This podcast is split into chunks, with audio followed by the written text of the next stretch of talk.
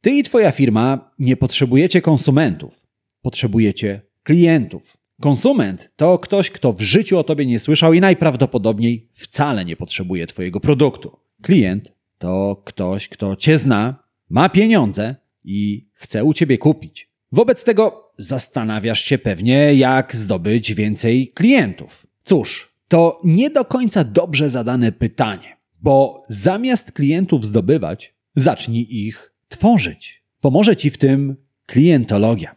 Czym jest klientologia? Tego dowiesz się właśnie z tego odcinka podcastu Marketing z głową. Zaczynajmy. To jest podcast Marketing z głową. Źródło wiedzy dla przedsiębiorców, handlowców i marketerów, czyli dla osób, które chcą sprzedawać lepiej i chcą sprzedawać więcej. Zaprasza Łukasz Chodorowicz. Zanim porozmawiamy o tym, czym jest klientologia, porozmawiajmy o tym, co klientologia robi.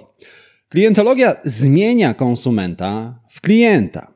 Konsument to człowiek, który jeszcze nie chce u ciebie kupić. Pewnie nawet nie wie, że istniejesz, bo nie zdaje sobie sprawy z tego, że ma pewien problem, który ty możesz rozwiązać. Klient to konkretna osoba, która ma pieniądze, jest gotowa ci zapłacić za rozwiązanie swojego problemu, wobec czego płaci, kupuje i często wraca po więcej, a nawet przyprowadza swoich znajomych. A więc klientologia jest nam potrzebna, jeżeli chcemy mieć klientów. A klientologia łączy w sobie elementy marketingu i psychologii konsumenta. Co jednak najważniejsze, to to, że transformacja konsumenta w klienta odbywa się w precyzyjny i określony sposób. Ten sposób przebiega wzdłuż procesu decyzyjnego konsumenta, który składa się z pięciu etapów. Najpierw konsument zdaje sobie sprawę z tego, że ma pewien problem, a więc odczuwa potrzebę. Następnie zaczyna poszukiwać rozwiązań swojego problemu. Gdy już znajdzie różne metody na pozbycie się problemu, porównuje zebrane alternatywy i wybiera tę, która najbardziej mu odpowiada, tę, która oferuje największe korzyści. Dopiero potem konsument staje się klientem i kupuje. A gdy kupi, przechodzi do ostatniego etapu, który nazywa się zachowaniem po zakupie. I teraz bez względu na to, czy kupujesz paczkę czekoladowych ciasteczek czy samochód, przechodzisz przez wszystkie te etapy procesu decyzyjnego. Czasem, tak jak w przypadku ciastek, robisz to w mgnieniu oka. Czasem, tak jak w przypadku samochodu, ten proces może zająć kilka tygodni, a nawet miesięcy. Spójrz, zanim kupisz samochód, musisz zdać sobie sprawę z problemu. Dochodzisz do wniosku, że dojazd z domu do pracy autobusem zajmuje ci zbyt wiele czasu, wobec czego zaczynasz poszukiwać rozwiązań swojego problemu. Zbierasz informacje na temat dojazdów do pracy pociągiem. Zaczynasz zastanawiać się, czy nie zacząć dojeżdżać do pracy z koleżanką z pokoju obok. A może dobrym pomysłem będzie wynajęcie samochodu? Hmm, a może jednak powinieneś kupić samochód? Zebrane możliwości analizujesz i rozważasz alternatywy pod względem wszystkich za i przeciw. Na samym początku odrzucasz dojazd pociągiem do pracy, bo w tej sytuacji niewiele się zmieni. Fajnie dojeżdżać z koleżanką do pracy, ale w tej sytuacji nadal jesteś od kogoś zależny. Zostaje wynajem albo zakup własnego samochodu. A skoro różnica między jednym i drugim jest niewielka, decydujesz się na własny samochód. To oczywiście nie koniec zbierania informacji i rozważania różnych alternatyw. Musisz jeszcze zastanowić się, jaki samochód wybrać, jaką markę, jaki model, z jakiego salonu go kupisz. Ważne jest jednak to, że proces przebiega podobnie, a ponieważ w przypadku samochodu jest sporo różnych alternatyw, które musisz rozważyć, decyzja może się ciągnąć miesiącami. A gdy już podejmiesz decyzję, kupujesz. To jednak nie koniec Twojej zakupowej przygody. Bo jeżeli z samochodem wszystko jest ok, sprawdza się tak jak należy, to z dużym prawdopodobieństwem polecisz ten konkretny model bratu, siostrze albo koleżance. I teraz, ponieważ każdy konsument, nim stanie się klientem, przechodzi przez te wszystkie etapy, jeżeli to ty pomożesz mu w tej transformacji, klient kupi u ciebie. Pomyśl o klientologii jako pewnej metaforze. Wyobraź sobie, że konsument to ktoś, kto stoi na najwyższym szczeblu drabiny. To początek jego procesu decyzyjnego. Aby kupić Twój produkt, musi zejść w dół drabiny. Jeden stopień naraz. Klient kupi u tego, kto pomoże pokonać mu tę drogę. Wobec tego, jak pomóc konsumentowi stać się Twoim klientem? Na każdym etapie procesu decyzyjnego dysponujesz innymi instrumentami perswazji i narzędziami psychologii konsumenta. Jest ich w sumie ponad 20. Pod wpływem wspomnianych narzędzi i instrumentów konsumenci najpierw zdają sobie sprawę z problemu, później zauważają Twój produkt. Następnie rozumieją, że jest on najlepszą alternatywą i kupują. A jeżeli wszystko zrobiłeś właściwie, to w ostatnim kroku wystarczy tylko niewielki impuls, żeby przekonać klienta do kolejnego zakupu albo do tego, żeby przyprowadził swoich znajomych. Porozmawiajmy teraz o niektórych narzędziach i instrumentach, które masz do dyspozycji. Na koniec podpowiem Ci również, gdzie znaleźć pozostałe. Zacznijmy jednak od początku. Na początku konsument nie wie jeszcze, że ma problem, problem, którym powinien się zająć. Nie wie również, że ty możesz mu w tym pomóc. Ba, nigdy w życiu jeszcze o twojej firmie nie słyszał. To, co musimy zrobić, to uświadomić konsumentowi, że problem ma. Pomoże nam w tym opowieść o stracie. Ludzi do zakupów napędzają dwie siły: chęć maksymalizacji zysków. Jadę na wakacje, aby dobrze się bawić i mieć o czym opowiadać, albo chęć uniknięcia strat. Kupuje ubezpieczenie na wspomniane wakacje, aby nie ponosić ewentualnych kosztów leczenia. A więc te dwie siły oddziaływują na nas i na konsumentów i napędzają nas do zakupu. Najciekawsze jednak jest to, że jedna z tych sił jest znacznie silniejsza od drugiej i dużo lepiej przekonuje nas do zakupu. Żeby zrozumieć, o czym dokładnie mówię, wyobraź sobie taką, może nie do końca hipotetyczną sytuację. Pewnego dnia ubierasz kurtkę, której zdarzyło ci się nie nosić przez rok. Ku swojemu zaskoczeniu w kieszeni znajdujesz 100 złotych. Oczywiście, ta sytuacja strasznie cię ucieszyła. Masz dodatkową stówę, którą możesz przeznaczyć na kawę i kilka mniejszych przyjemności na mieście. Jednak w drodze do miasta okazuje się, że w kieszeni była dziura i wspomniane 100 złotych wypada ci. Tym razem, odwrotnie niż wcześniej, czujesz smutek. Pytanie, które mam do ciebie brzmi: w której z tych sytuacji towarzyszyły ci większe emocje? Czy radość ze znalezienia 100 złotych była silniejsza od smutku związanego ze zgubieniem 100 złotych? Czy może odwrotnie? Badania wykazują, że strata boli nas dwa i pół razy bardziej niż zysk cieszy. Innymi słowy, smutek związany ze zgubą 100 złotych będzie dwa i pół razy silniejszy niż radość związana ze znalezieniem tej samej kwoty. Jak to się ma do naszego konsumenta, który musi zdać sobie sprawę z problemu? Z problemów najlepiej zdajemy sobie sprawę, gdy rozumiemy, co w ich konsekwencji możemy stracić. Widmo straty najlepiej uświadamia nam konsekwencje i problem, który może się do nich przyczynić. To jest dość oczywiste, gdy pomyślisz o tym w kontekście innym niż zakupy. Pomyśl, kiedy chętniej wybierzesz się do lekarza na rutynową kontrolę? Gdy czujesz się świetnie i nic ci nie dolega? Czy może gdy zaczyna dziać się coś niepokojącego? Na przykład pojawia się wysypka na skórze. Oczywiście w tej drugiej sytuacji, ponieważ wysypka na skórze uświadamia ci, że coś możesz stracić. W tym wypadku oczywiście zdrowie. A więc gdy dociera do nas, że możemy coś stracić, zdajemy sobie sprawę z problemu i zaczynamy działać.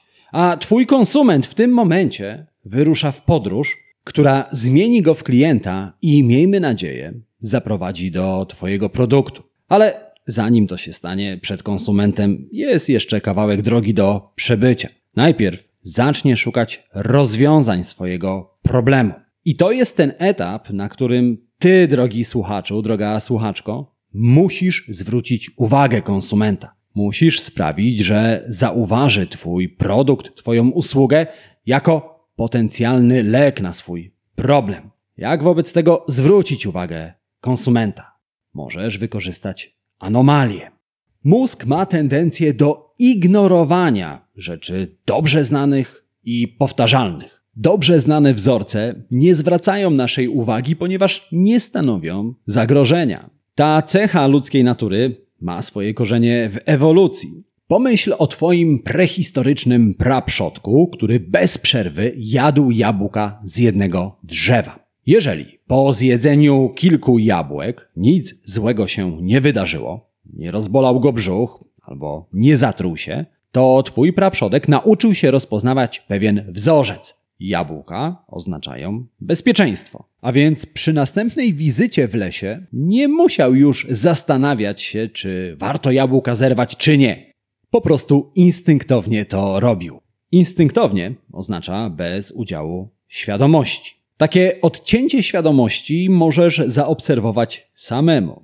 Jeżeli od kilku lat z domu do pracy jeździsz tą samą trasą, to twój umysł nauczył się rozpoznawać wzorzec.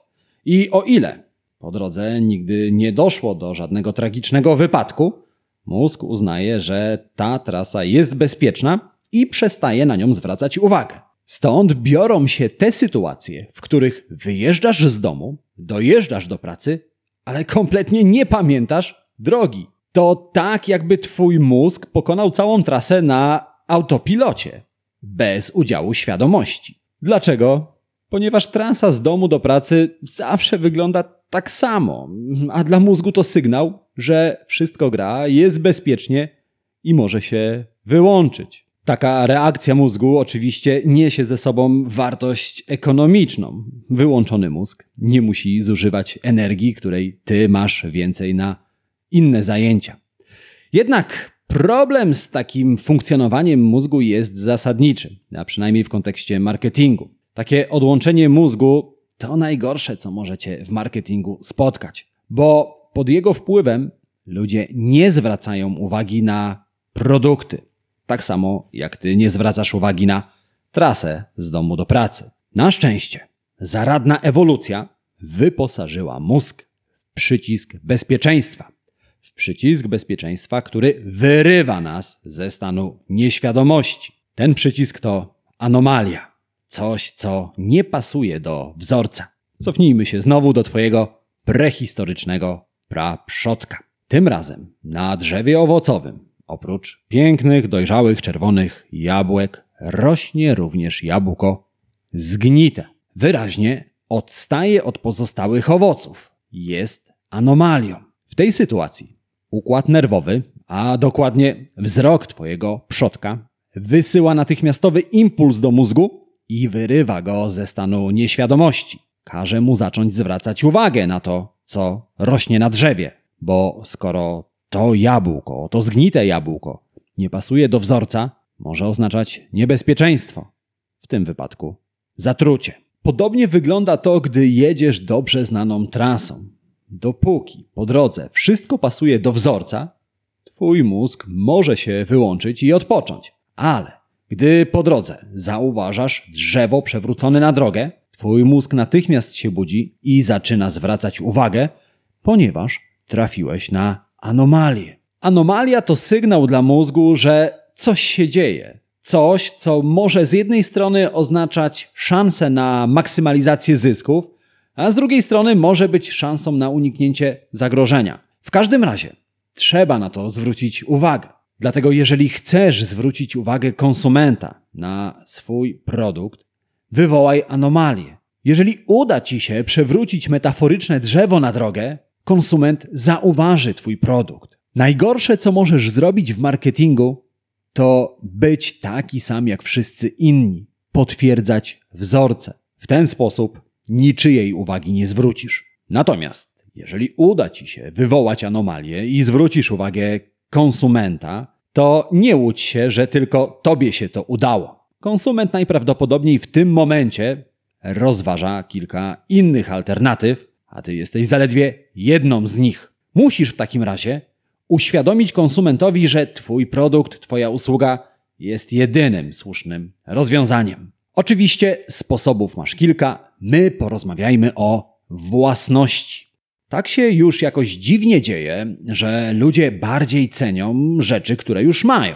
Na przykład wystarczy ludziom dać do ręki kubek, powiedzieć, że jest on ich własnością, aby ci zaczęli go bardziej cenić. Coś niesamowitego dzieje się w głowach konsumentów, gdy ci zdają sobie sprawę, że produkt lub usługa jest już po części ich własnością. Zjawisko własności ma kilka poziomów. Posiadanie jest oczywiście najwyższym poziomem. Natomiast czasem nie trzeba czegoś posiadać, żeby bardziej to cenić. Czasem wystarczy coś współtworzyć. I właśnie ten poziom własności wykorzystał w 2007 roku McDonald's. W tamtym czasie sprzedaż kanapek spadała, bo ludzie zaczęli sobie zdawać sprawę z tego, że burgery z McDonalda są po prostu niezdrowe. Marka, aby poprawić sprzedaż, wykorzystała właśnie własność. McDonald's wprowadził na rynek nową kanapkę, ale najpierw poprosił klientów, aby wymyślili dla niej nazwę. Spośród kilku tysięcy zaproponowanych nazw, McDonald wybrał jedną i kanapka trafiła na rynek. A konsumenci uznali, że są współtwórcami kanapki, że jest ona poniekąd ich własnością. W 2007 roku większość restauracji typu fast food pod wpływem panującego kryzysu odnosiła straty. Gdy nowa kanapka, którą klienci McDonald'sa pomagali współtworzyć i której stali się współwłaścicielami, trafiła na rynek, restauracja odnotowała wzrost sprzedaży o 12%. To, co chcę, abyś zrozumiał, zrozumiała, to to, że konsumenci kupują, gdy czują więź z produktem, gdy są w ten produkt w pewien sposób zaangażowani. Naturalnie własność to tylko jeden instrument, który pomoże Ci wpłynąć na zachowanie konsumentów na tym etapie ścieżki zakupowej. Natomiast my przyjrzyjmy się temu, co dzieje się na kolejnym etapie, gdy konsument staje się klientem i jest już niemal gotowy kupić. Przy czym w tym momencie bardzo często pojawiają się obiekcje przed zakupem. I z tymi obiekcjami musisz sobie na tym etapie zakupu poradzić. Jednym ze sposobów jest ramowanie. W większości przypadków na każdy problem można spojrzeć z różnej perspektywy. Szklanka może być albo w połowie pełna, albo w połowie pusta, prawda? Wszystko zależy od punktu widzenia lub ram, w których problem przedstawisz. Zobacz, nawet kiepski obraz może prezentować się znakomicie, jeżeli osadzisz go w złotej ramie. Ale jeżeli to samo płótno włożysz do ramy drewnianej, obraz straci swój blask. I na tym etapie zakupu Twój klient będzie miał jeszcze obiekcje przed zakupem. Aby sobie z nimi poradzić, musisz włożyć te obiekcje do odpowiedniej ramy, tak aby te obawy przestały być problemem. A jeszcze lepiej, jeżeli umiesz je przedstawić jako zaletę. Zobacz, jogurt, który ma 10% tłuszczu, wydaje się mniej atrakcyjny od jogurtu, który ma 90% tłuszczu mniej. W obu przypadkach to ten sam jogurt, ten sam skład, ale w zależności od tego, jak o nim opowiadasz, w jakie ramy go osadzasz, wydaje się mniej albo bardziej atrakcyjny. A to, co wcześniej było wadą, staje się zaletą. Na tym etapie klient może uważać, że produkt, który sprzedajesz, jest zbyt drogi. Ale jeżeli osadzisz cenę w innej ramie i powiesz, że wraz z ceną w parze idzie jakość, zmienisz perspektywę klienta. Tak dokładnie kiedyś zrobiła marka Avis, która jest siecią wypożyczalni samochodowych. Avis przez długie lata było marką numer dwa na rynku. To było oczywistą wadą Nikt nie lubi być numerem dwa na rynku. Zawsze liczy się tylko lider, prawda? Jednak Avis sprytnie opowiedział o swojej wadzie. Osadził ją w ramy, które sprawiły, że wada stała się zaletą. Avis powiedział: Jesteśmy numerem dwa, ale przez to musimy starać się dwa razy bardziej. I w tej sytuacji klienci, którzy dotychczas woleli wypożyczać samochody u lidera rynku, zmienili zdanie. Zmienili swoją perspektywę, ponieważ zrozumieli, że numer dwa na rynku wcale nie jest gorszy. Jest lepszy, bo musi starać się dwa razy bardziej. Jeżeli i tobie uda się zmienić perspektywę konsumenta, rozwiać jego obiekcje, konsument stanie się twoim klientem. Ale na tym etapie podróż zakupowa klienta jeszcze się nie skończyła. Teraz klient zdecyduje, co zrobić dalej. Kupić u ciebie ponownie, czy wybrać konkurencję. Przyprowadzić, czy nie przyprowadzić kolejnych klientów. Jeżeli dotychczas wszystko zrobiłeś jak należy, prawdopodobieństwo, że klient wróci i przyprowadzi kolejnych klientów jest oczywiście dużo większe. Natomiast możesz zrobić coś jeszcze, aby ułatwić klientowi decyzję, aby pomóc mu przyprowadzić nowych klientów. Jedną z tych rzeczy jest redukcja tarcia. Ludzie na ogół poruszają się po linii najmniejszego oporu. Gdy kolejny zakup jest trudny, nie kupują. Jeżeli oczekujesz, że klient w Twoim sklepie internetowym złoży ponowne zamówienie, to nawet jeżeli jest zadowolony z Twojego produktu, ale Ty każesz mu rejestrować się w sklepie po raz drugi, w życiu tego nie zrobi. Z tego samego powodu nie oczekuj, że zadowolony klient przyprowadzi swoich znajomych, jeżeli mu tego nie ułatwisz. Redukowanie tarcia polega na niwelowaniu trudu i przeciwności, które mogą dzielić Twojego klienta od ponownego zakupu albo od pochwalenia się zakupem wśród swoich znajomych, na przykład w mediach społecznościowych. Na świecie jest kilkanaście restauracji zaprojektowanych z myślą o tym, aby ludzie chętniej robili w nich zdjęcia i dzielili się nimi w mediach społecznościowych. Jeżeli zrobisz takie zdjęcie i opublikujesz na Instagramie, to o restauracji dowiedzą się inne osoby, prawda? Co jednak najważniejsze, dowiedzą się o niej twoi znajomi, którzy prędzej czy później tę restaurację odwiedzą. W końcu zdjęcie, które opublikowałeś, to rekomendacja i do tego darmowa. Problem z restauracyjnymi zdjęciami jest zasadniczy. Ich głównym bohaterem jest danie, kotlet albo zupa. A z takiego zdjęcia trudno wywnioskować, gdzie było zrobione. Jak wobec tego twoi znajomi mają dowiedzieć się o restauracji, skoro jedyne co widzą to talerz i zupa? Ten problem doskonale rozumiała londyńska restauracja Dalloway Terrace. Dlatego wnętrze restauracji zaprojektowano tak, aby nadawało się do udostępniania na Instagramie.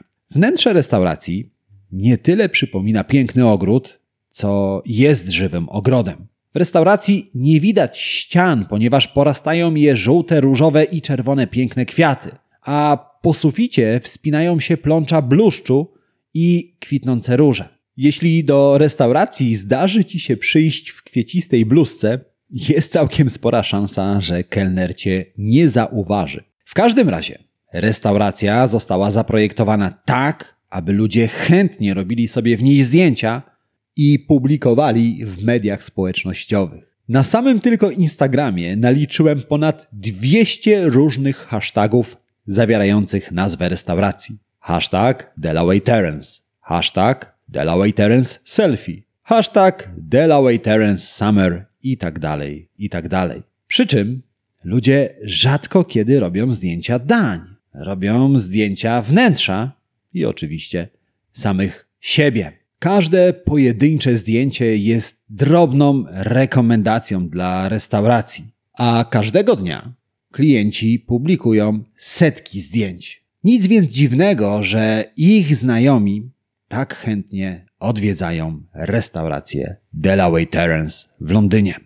Mam nadzieję, że rozumiesz już, czym jest klientologia i jak może pomóc Ci zmieniać konsumentów w klientów, którzy nie tylko kupują, ale również przyprowadzają kolejnych. A jeżeli chcesz poznać pozostałe narzędzia i instrumenty, które pomogą Ci zmienić konsumentów w klientów, to koniecznie zapisz się do mojego newslettera, bo w newsletterze opowiadam właśnie o klientologii i pokazuję, jak wspomniane narzędzia i instrumenty wykorzystać, aby zmieniać konsumentów w klientów. Link do zapisu znajdziesz w opisie tego odcinka. Ale oprócz tego zaproszenia, na koniec, tradycyjnie już mam dla Ciebie również trzy najważniejsze rzeczy, które warto wynotować z tego odcinka podcastu Marketing z głową. Zdradzę Ci je tuż po dwóch szybkich prośbach. Ta pierwsza jest taka.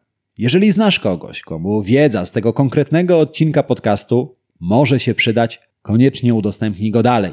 Możesz to zrobić na Facebooku, na Messengerze, w mailu, w WhatsAppie. Jakikolwiek sposób będzie świetny. A jeżeli tak się składa, że ty w tym momencie słuchasz mnie w Apple Podcast albo w Spotify, wystaw recenzję pod podcastem Marketing z głową. Obie te rzeczy zajmą ci chwilę, a dzięki temu, co zrobisz, wiedza z tego podcastu dotrze do osób, które jej potrzebują. No dobrze, a teraz czas na trzy najważniejsze rzeczy, które warto wynotować.